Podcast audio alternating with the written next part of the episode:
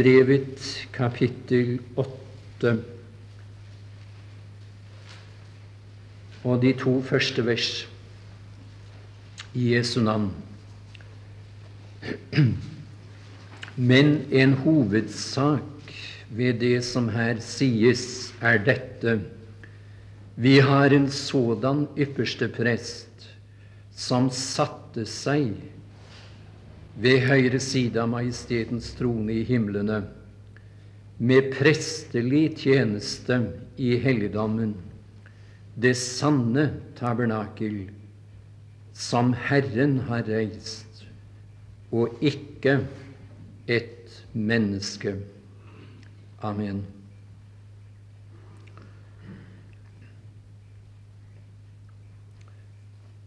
Det har stått sånn for meg siden jeg gikk hjem fra møtet i går aftes, at jeg skulle prøve å si litt om Kristi stilling og tjeneste i helligdommen. Den tjeneste han er opptatt med i dag. Og jeg har lagt merke til, og det har sikkert de fleste av dere også, at det står her i Hebrebrevets åttende kapittel og det første vers en hovedsak ved det som her sies. Og jeg har streket under i min bibel de to ordene en hovedsak. Hva er det som er denne hovedsak? Vi kan vel trygt si at for troende mennesker Nå tenker jeg ikke i første rekke på synderen i sin uomvendte, ugjenfødte tilstand, men jeg tenker på den troende, den som hører Herren til, den som er gjenfødt og frelst. Vi kan vel gjerne si at dette som her er omtalt, nettopp er hovedsaken i et troende menneskes liv. Eh, la oss se litt på det. En hovedsak ved det som her sies, er dette kolon. Så kommer det Vi har en sådan ypperste prest.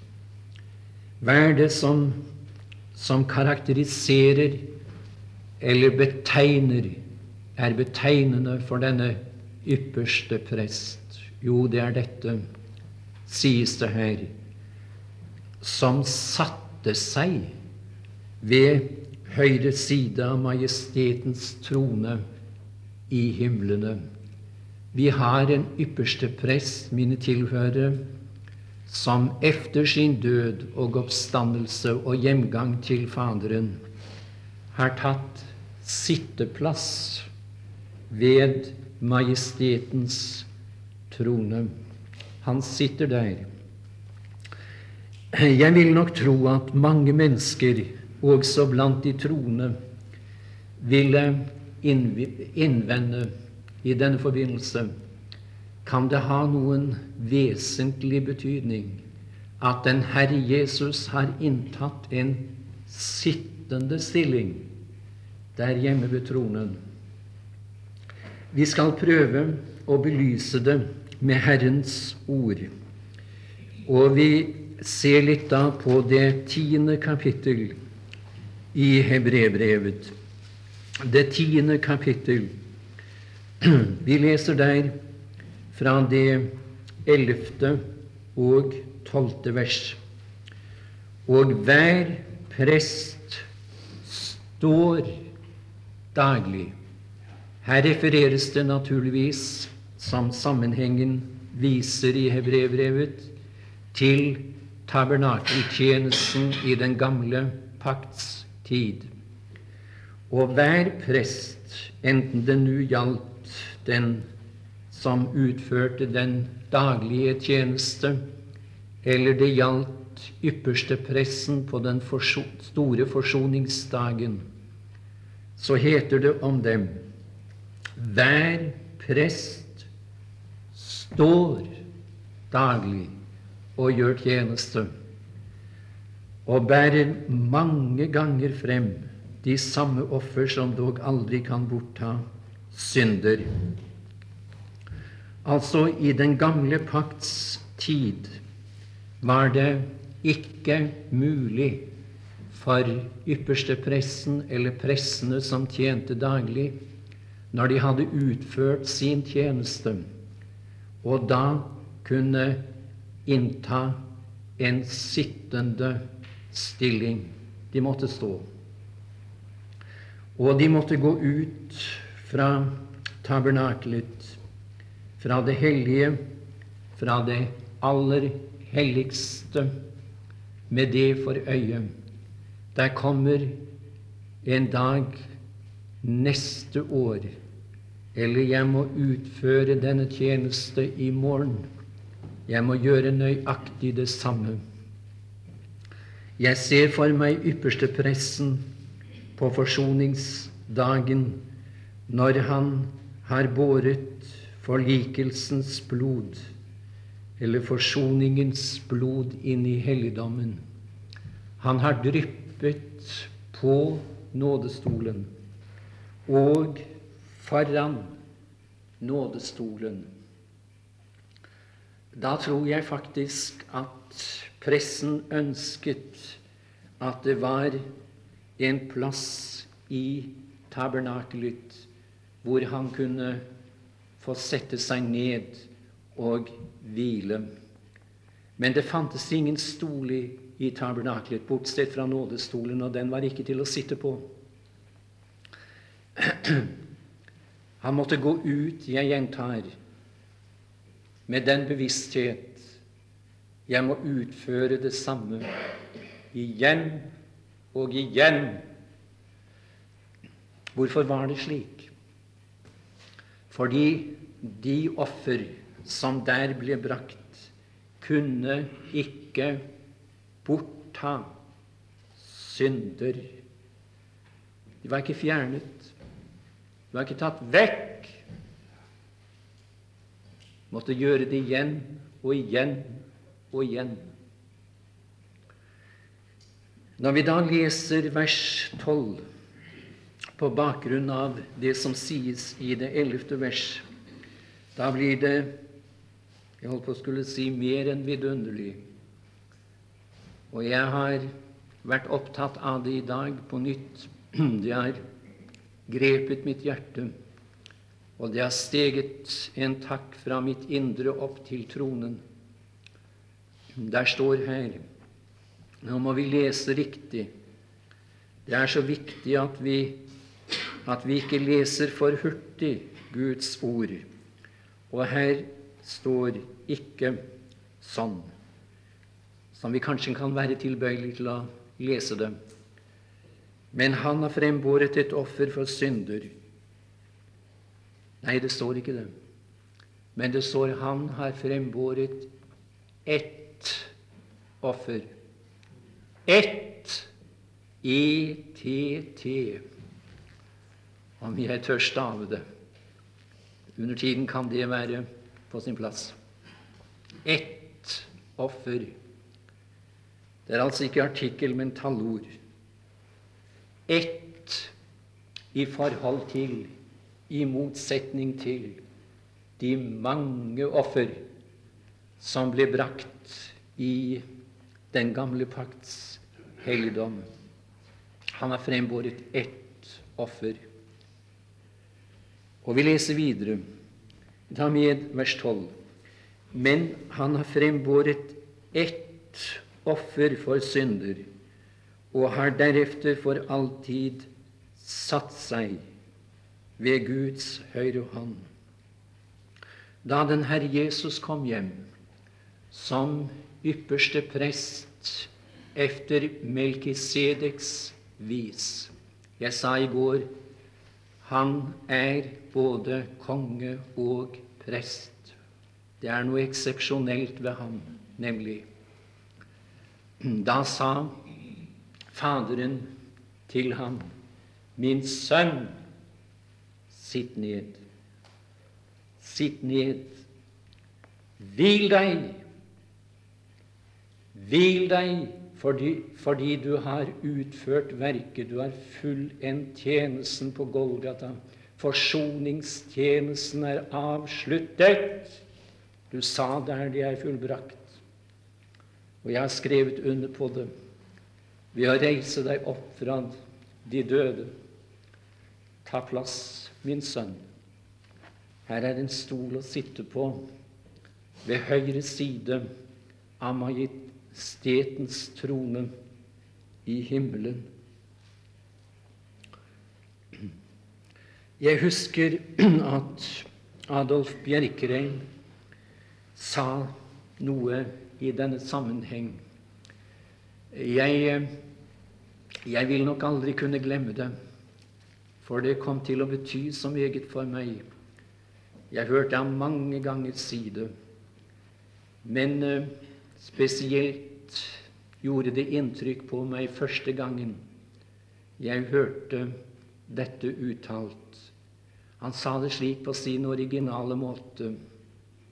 Når Kristus kan se syn på å sitte Dere har sikkert hørt det, dere også. Når Han kan se syn på å sitte, da må vel også vi kunne sitte. Ja, men er det ikke det som ofte er vanskelig, mine tilhørere, i vårt troesliv? Det å sitte, det å hvile på det fullbrakte verk. Han skal aldri reise seg for å bringe et nytt offer for synder. Han skal reise seg en dag. Men da er det i et annet ærend. Han forlater tronen. Da er det for å rykke menigheten opp. Og la meg da bare få lov å si at jeg, jeg tror med bestemthet at vi er såre nær den begivenheten da vi skal konfronteres med ham i lufthimmelen da vi skal se ham som han er, da vi skal forvandles, da vi skal gå inn og innta plassen sammen med ham på tronen.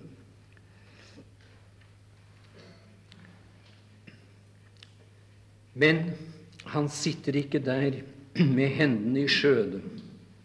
Han sitter ikke der uvirksom.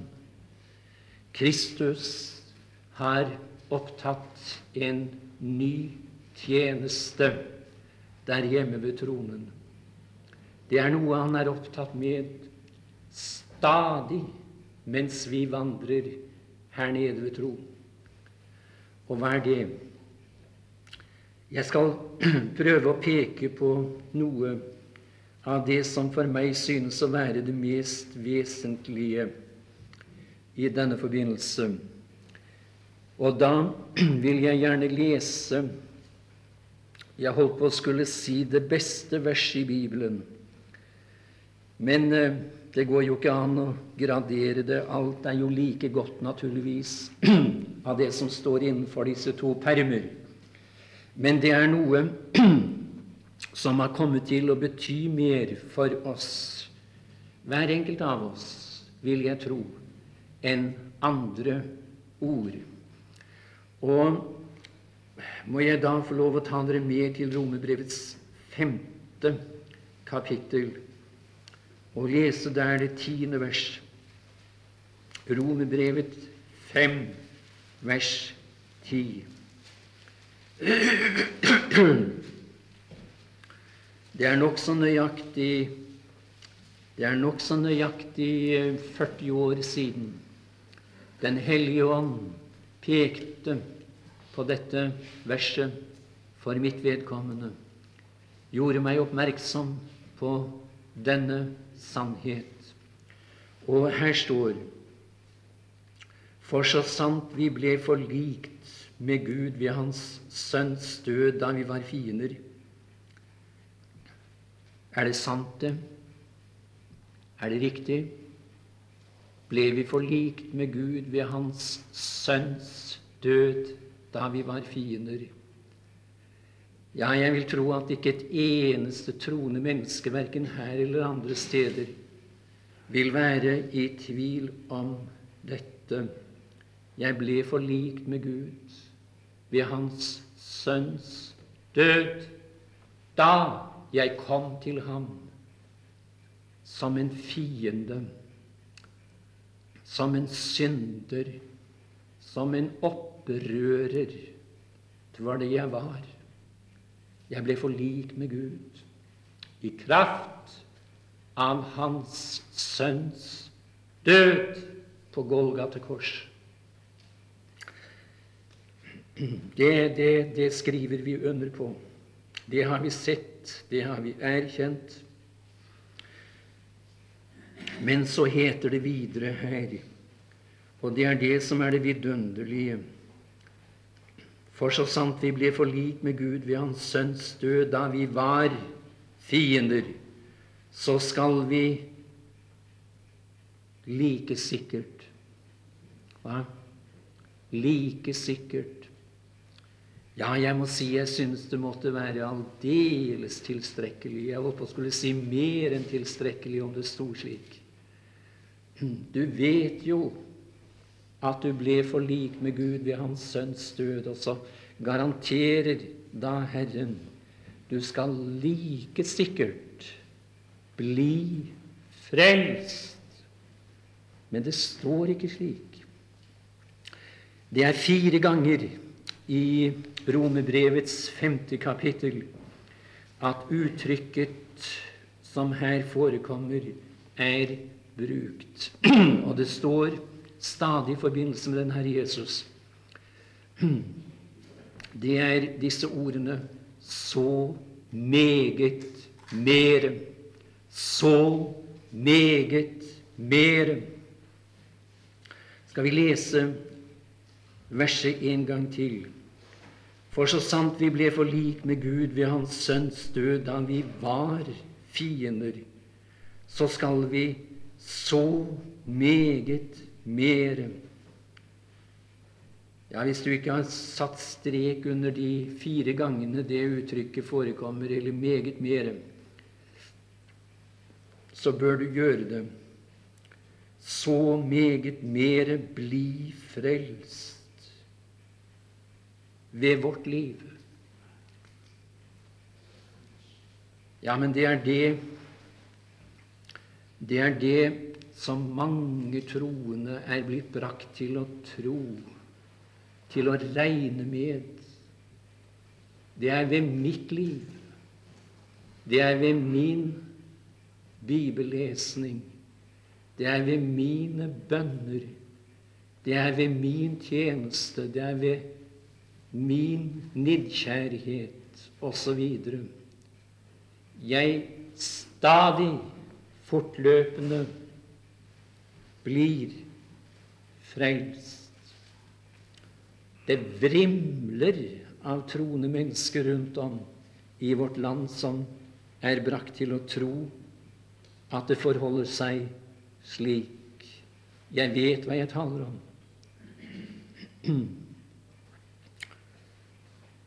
Jeg eh, kom til å tenke på i dag en eh, troende mann, en forkynner i Danmark som jeg lærte å kjenne for år tilbake. En dag vi talte sammen nede på hotellet der i København, så penset jeg samtalen inn på Romerbrevet 5.10. Vi fikk en god samtale over dette ordet.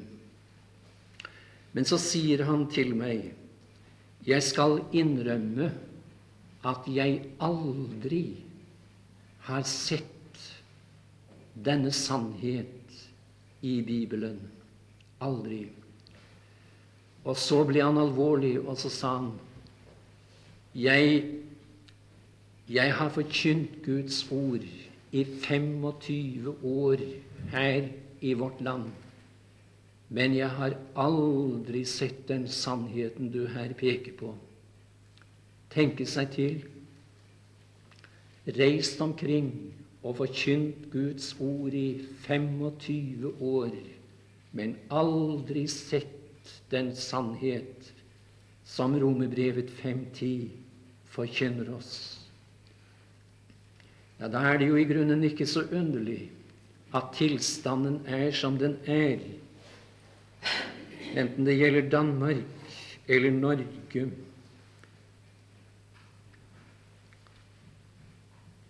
Jo, det må forkynnes, ikke bare én gang. Igjen og igjen og igjen må det utbasuneres, dette vidunderlige budskap. Og skal vi lese verset en gang til, ta med det hele.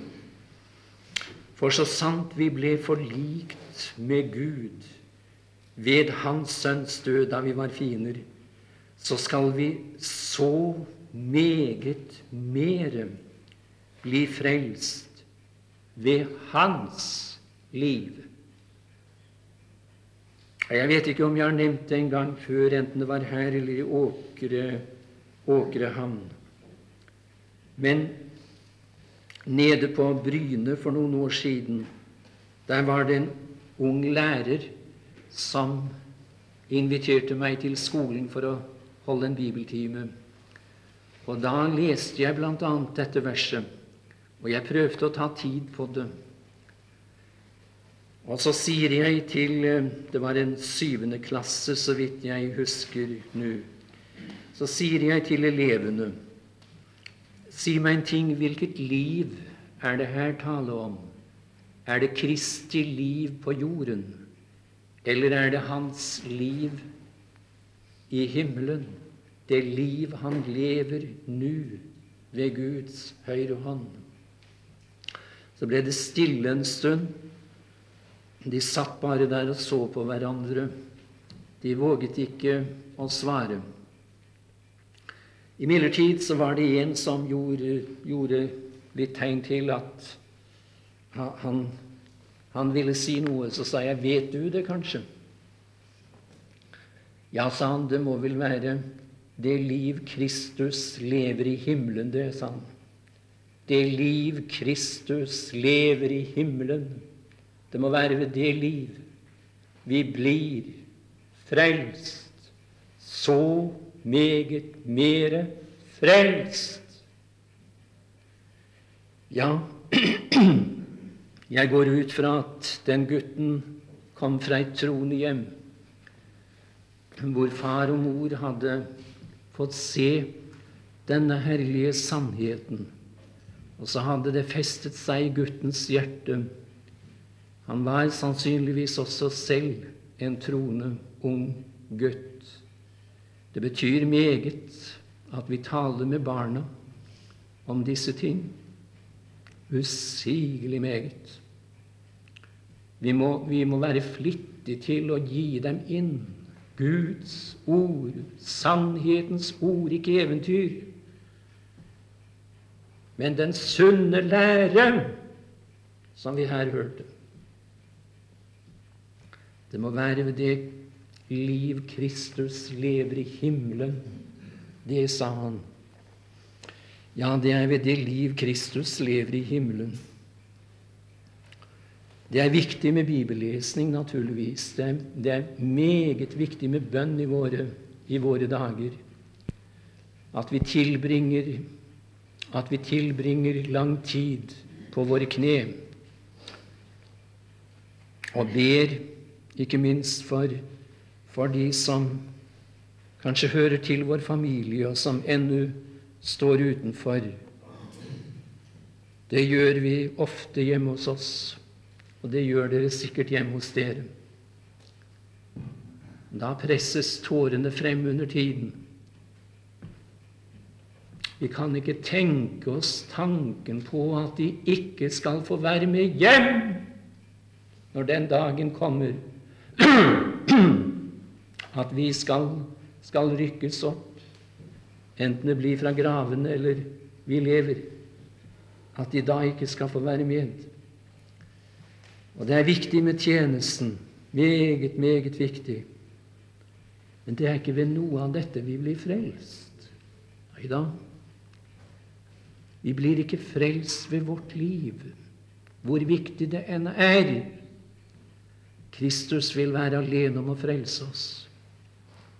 Han ønsker ikke at vi skal blande oss bort i den saken der. Og jeg er forvisset om, mer enn jeg har vært noensinne før, at den dagen jeg møter min Herre og Frelser der hjemme, da skal jeg ikke si takk for assistanse når det knep om. Men da skal jeg si, Herre Jesus, det var du. Det var du som utførte hele verket. Det er du som har fått meg frelst igjennom. Det er du som har bevart meg. Det er du som har skjermet om meg. Æren skal fullt og helt være din, fordi jeg er kommet inn og hjem. Ja,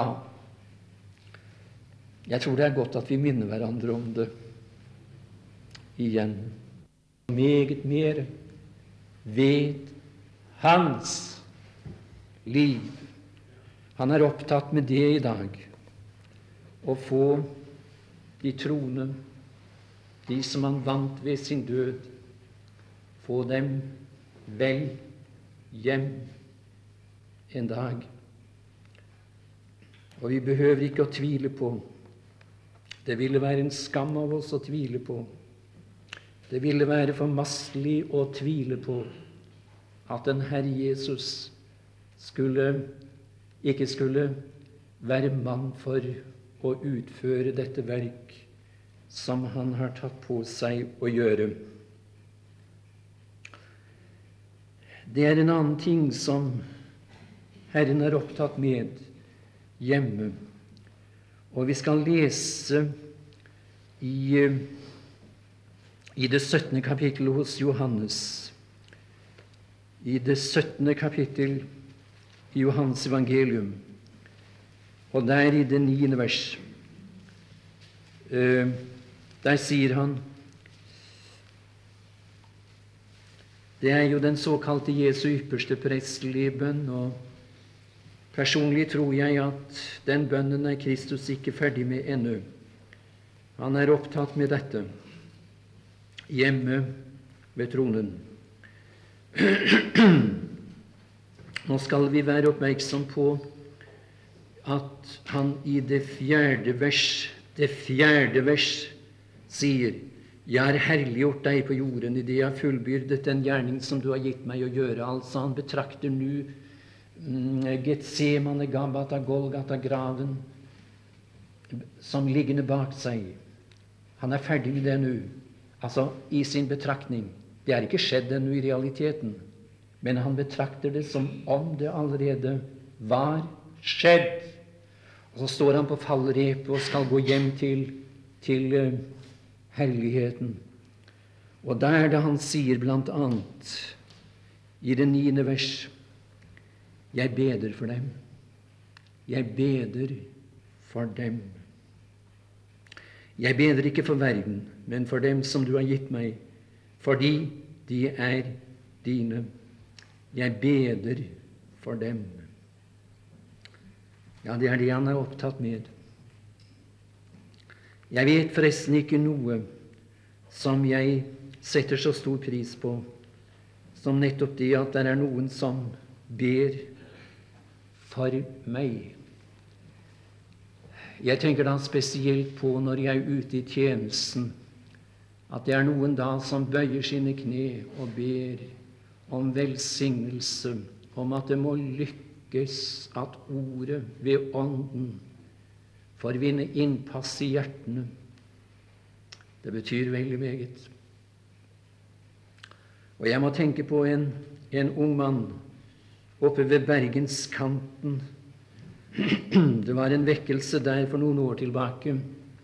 Mange unge ektepar ble frelst. Og blant annet så var det en, en ung mann og hans hustru. Det er de jeg her tenker på. Og da jeg kom tilbake til det stedet noen år senere, da sier denne unge mannen som var leder for virksomheten på stedet. Idet han ønsker meg velkommen, så sier han jeg har, jeg har bedt for deg hver eneste dag fra den nattetimen da du hjemme ved kjøkkenbenken ledet meg til Kristus. Da presset det seg noen tårer frem på mitt kinn, og så sa jeg, Norvald, jeg føler trang til å si deg takk. Takk fordi du har husket meg for nådens trone, nevnt mitt navn for Herren hver eneste dag. Jo, det er stort å ha forbedre. Men jeg leste i dag fra Ordspråksboken i det 18. kapittel og 24. vers. Altså 1824. Der står det Det er venner som henger fastere ved en enn en bror. Det er venner som henger fastere ved en enn en bror. Hvilken venn er det? Ja, det er han som vi synger om. Hvilken venn? Det er vel neppe noen sang som er mer kjent i den engelsktalende verden enn denne sangen. Hvilken venn? Vi har i Jesus alt han vet og alt formår. Tyngste byrde han oss letter når i bønn til ham vi går. Og det fortelles, i hvert fall har jeg hørt det slik fortalt, om forfatteren til denne sangen, Josef Skriven. Han uh, fikk en alvorlig sykdom i sine unge år. Han uh, ble lam, fullstendig lam, fra, fra livet og ned.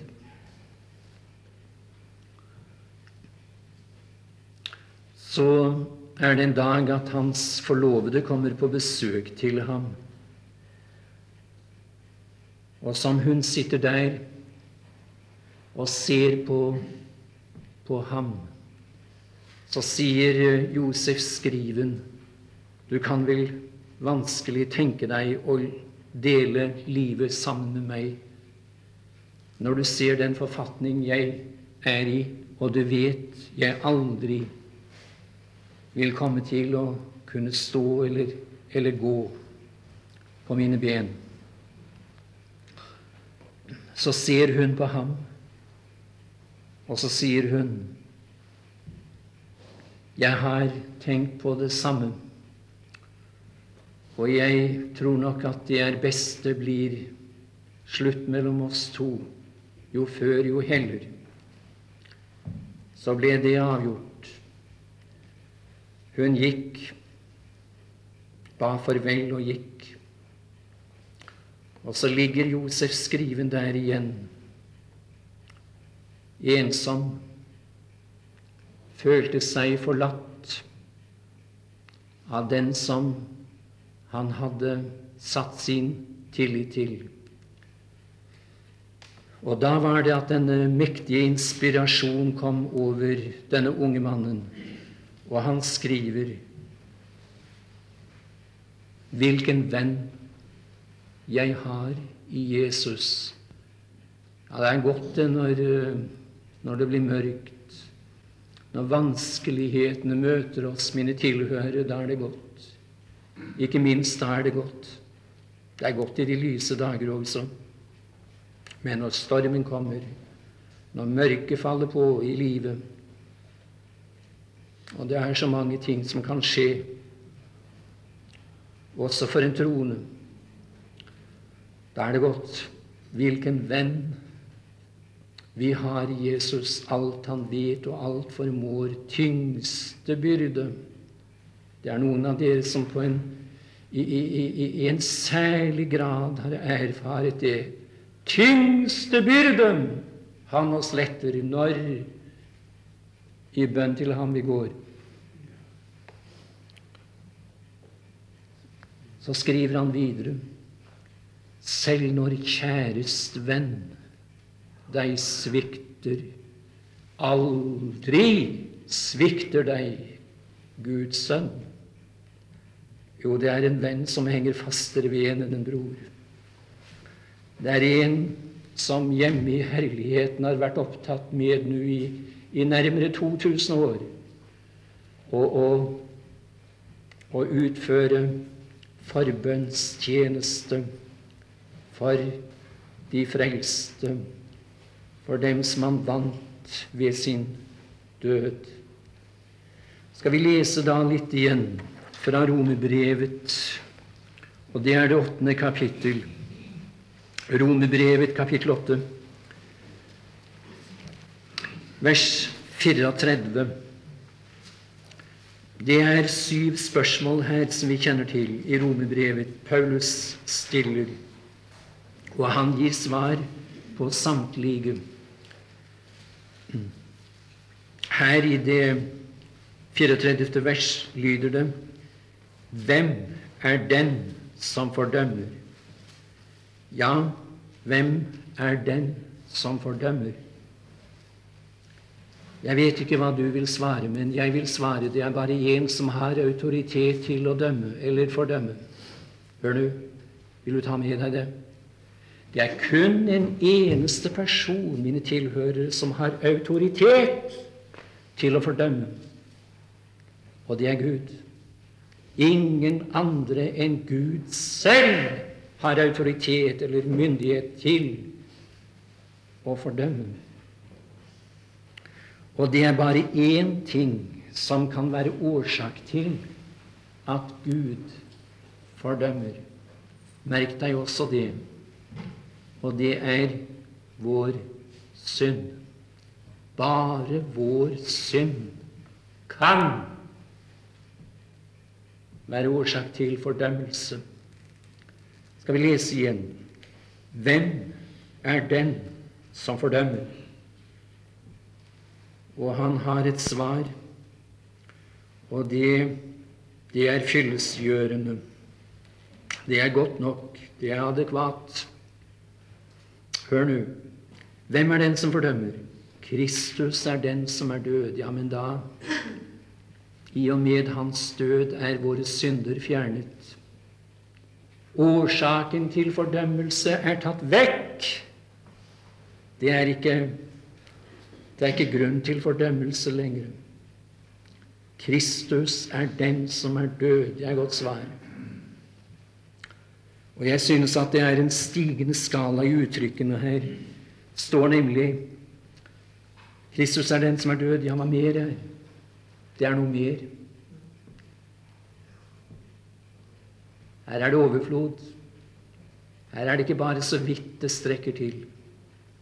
Ja, hva mere er, som også er oppstanden, som også er ved Guds høyre hånd, som også går i forbønn for oss. Der når du høydepunktet. Går i forbønn for oss. Jeg tror han nevner de forskjellige ting, jeg. Det står i Johans evangeliums tiende kapittel at han, han kjenner vårt navn. Han kaller sine får ved navn. Det står i Åpenbaringens bok, det andre kapittel, vers 13. Jeg vet hvor du bor. Der hvor Satan har sin trone. Og det er noen trone. Noen uh, frelste mennesker som befinner seg på en meget utsatt plass i livet. Jeg vet ikke om jeg taler til noen sådan. Men hør nå. Ja, jeg, kunne, jeg kunne nevne redselsfulle eksempler på hvordan barn i dag blir behandlet i skolen fordi de bekjenner Kristus Jeg skal ikke jeg, jeg skal likevel ikke gjøre det, men jeg kjenner til det. Ja, jeg vet Jeg fristes til å fortelle det. Jeg vet at det var en gutt som kom til legen for bare kort tid tilbake. Han hadde vondt i brystet, sa han. Legen undersøkte ham. Han ville, han ville ha rede på hva, hva, som måtte være årsak til dette, for det måtte være en, en grunn til dette. Han ville ikke ut med det til å begynne med. Men eh, så kom det da omsider. Jo, saken er den sann at jeg, jeg er en troende. Jeg er frelst. Og jeg bekjenner Jesu navn, sa han. Og det har ført til at de gjentatte ganger har lagt meg ned. Og så har de andre elevene, noen av dem da, de har hoppet opp på brystkassen min. Og det har de drevet med nå i lang tid. Jeg tør ikke fortelle mer. Jeg tenker det er tilstrekkelig. Jo, det er de som får føle det også i riktig unge år, når de bekjenner Kristus her i denne verden. Er du på en slik utsatt plass eller noe lignende, må jeg få fortelle deg han vet hvor du bor. Han vet om de vanskelighetene du står overfor, og jeg tror, som sagt, han, han nevner dette for Faderen. Hvor godt at det er en som ber for oss. Det er det som skal føre oss igjennom. Det er det, tror jeg, som gir oss kraft til å holde ut. Hemmeligheten ligger i at Han er der stadig virksomhet for sine. Nu vel, bare en eneste ting til. Og det er 1. Johannes brev, det andre kapittel. 1. Johans brev, kapittel 2, vers 1. Mine barn, dette skriver jeg til eder for at de ikke skal synde. Og her er det, er det klart nok en advarsel først og fremst en advarsel mot å synde. Og det gjelder barn. Det gjelder de troende. Jeg skriver dette til dere, sier han, for at dere ikke skal synde. Og jeg for min del, jeg har ikke funnet på et eneste sted i Guds ord at, at Bibelen omtaler fremtidig synd som noe normalt i en kristens liv. Må jeg få lov å gjenta det?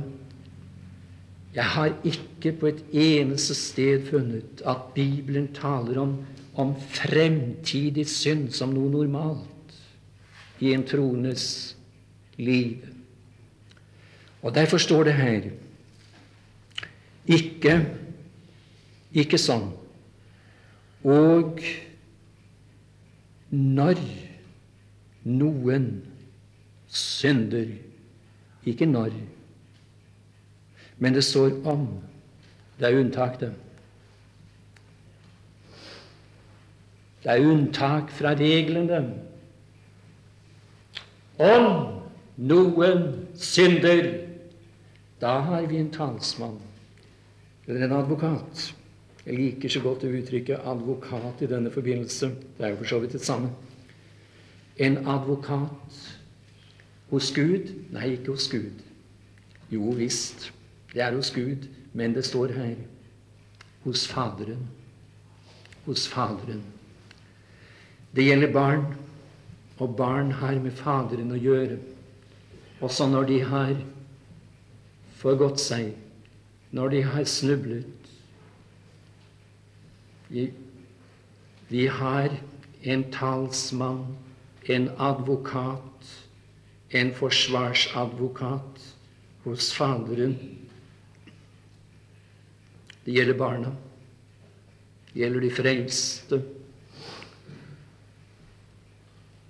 Jesus Kristus, den rettferdige, og han er, er. Men det betyr ikke at Kristus bringer nye offer for synd hver gang en troende har syndet, slik som syvende dags adventistene vil ha oss til å tro. Nei, langt ifra. Han er ferdig. Det er derfor han sitter der. Det er skjedd. Det er avsluttet. Det er derfor han sitter der, inntatt en sittende stilling. Men hør nå I kraft av sin død er han stadig en soning for våre synder. Om noen synder, da har vi en talsmann hos Faderen, Jesus Kristus den rettferdige. Han er en soning for våre synder. Dog ikke bare for våre, men òg for hele verden. Det er hans gjerning, det er hans tjeneste, det er hans virksomhet der hjemme.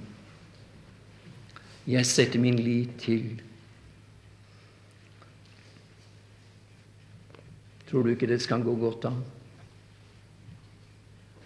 Han har tatt på seg hele ansvaret. Og hør nå han har satt sitt liv og sin tjeneste og sin virksomhet inn på dette og få oss hjem. Er du her som ikke er frelst? Har Herren gledet deg hit i aften? Må jeg få få lov å fortelle deg offeret han brakte den Herre Jesus på Golgata. Det er tilstrekkelig for deg. Du kan bare sitte her og takke nå. Du kan bare si, Herre Jesus, takk! Det var for meg du døde går du rettferdiggjort hjem. Ja, vår Gud, vi føler trang til å si takk. Vi synes at ord blir så fattige, men du ser til våre hjerter, og du vet at det strømmer over av, av takknemlighet til deg. Takk fordi du en gang døde for våre synder efter Skriftene. Takk fordi det av den grunn ikke